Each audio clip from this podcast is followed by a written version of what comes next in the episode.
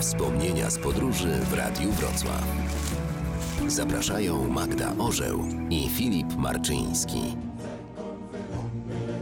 To może jeszcze chwilę o zwierzętach. W zeszłym tygodniu opowiadaliśmy o małpach. Są bardzo wdzięczne i fajne, ale nie zawsze spotkania z nimi są bezpieczne. Choć bywają.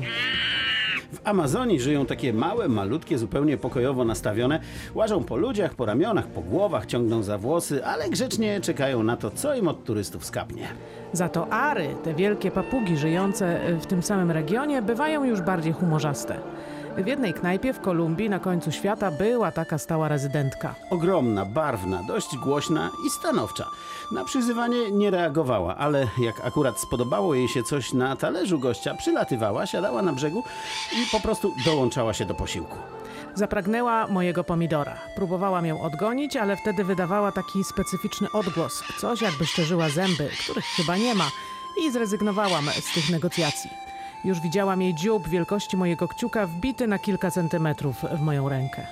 Więc wzięła co chciała i zjadła. Ta akurat lubiła też piwo. Parrots are super smart animals. Ale niestety nie zawsze spotkania ze zwierzętami są przyjemnością albo tak zwaną przygodą. Czasem też bywają dojmująco smutne. Zaniedbane i chore psy to niestety codzienność wielu krajów Azji. Kambodża, Filipiny, jest ich tam bardzo dużo. Póki młode, wiodą pewnie nie najgorsze życie, ale potem Gorzej, kiedy człowiek ewidentnie źle traktuje zwierzę całkowicie od niego zależne.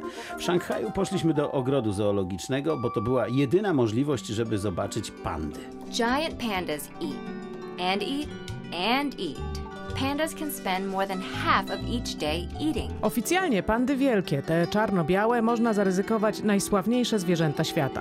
Szanghajski ogród z nich słynie. Owszem, mają się czym pochwalić. Bardzo ładnie tam sobie żyją, jest czysto, można powiedzieć dostatnio.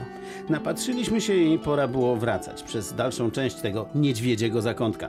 Zobaczyliśmy tłumek oparty o barierkę i patrzący w dół. Podeszliśmy.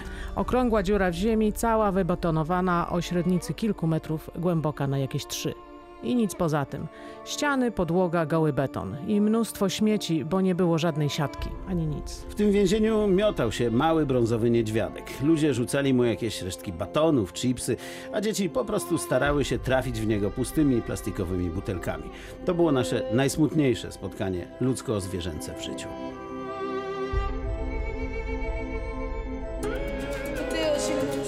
Wspomnienia z podróży w Radiu Wrocław.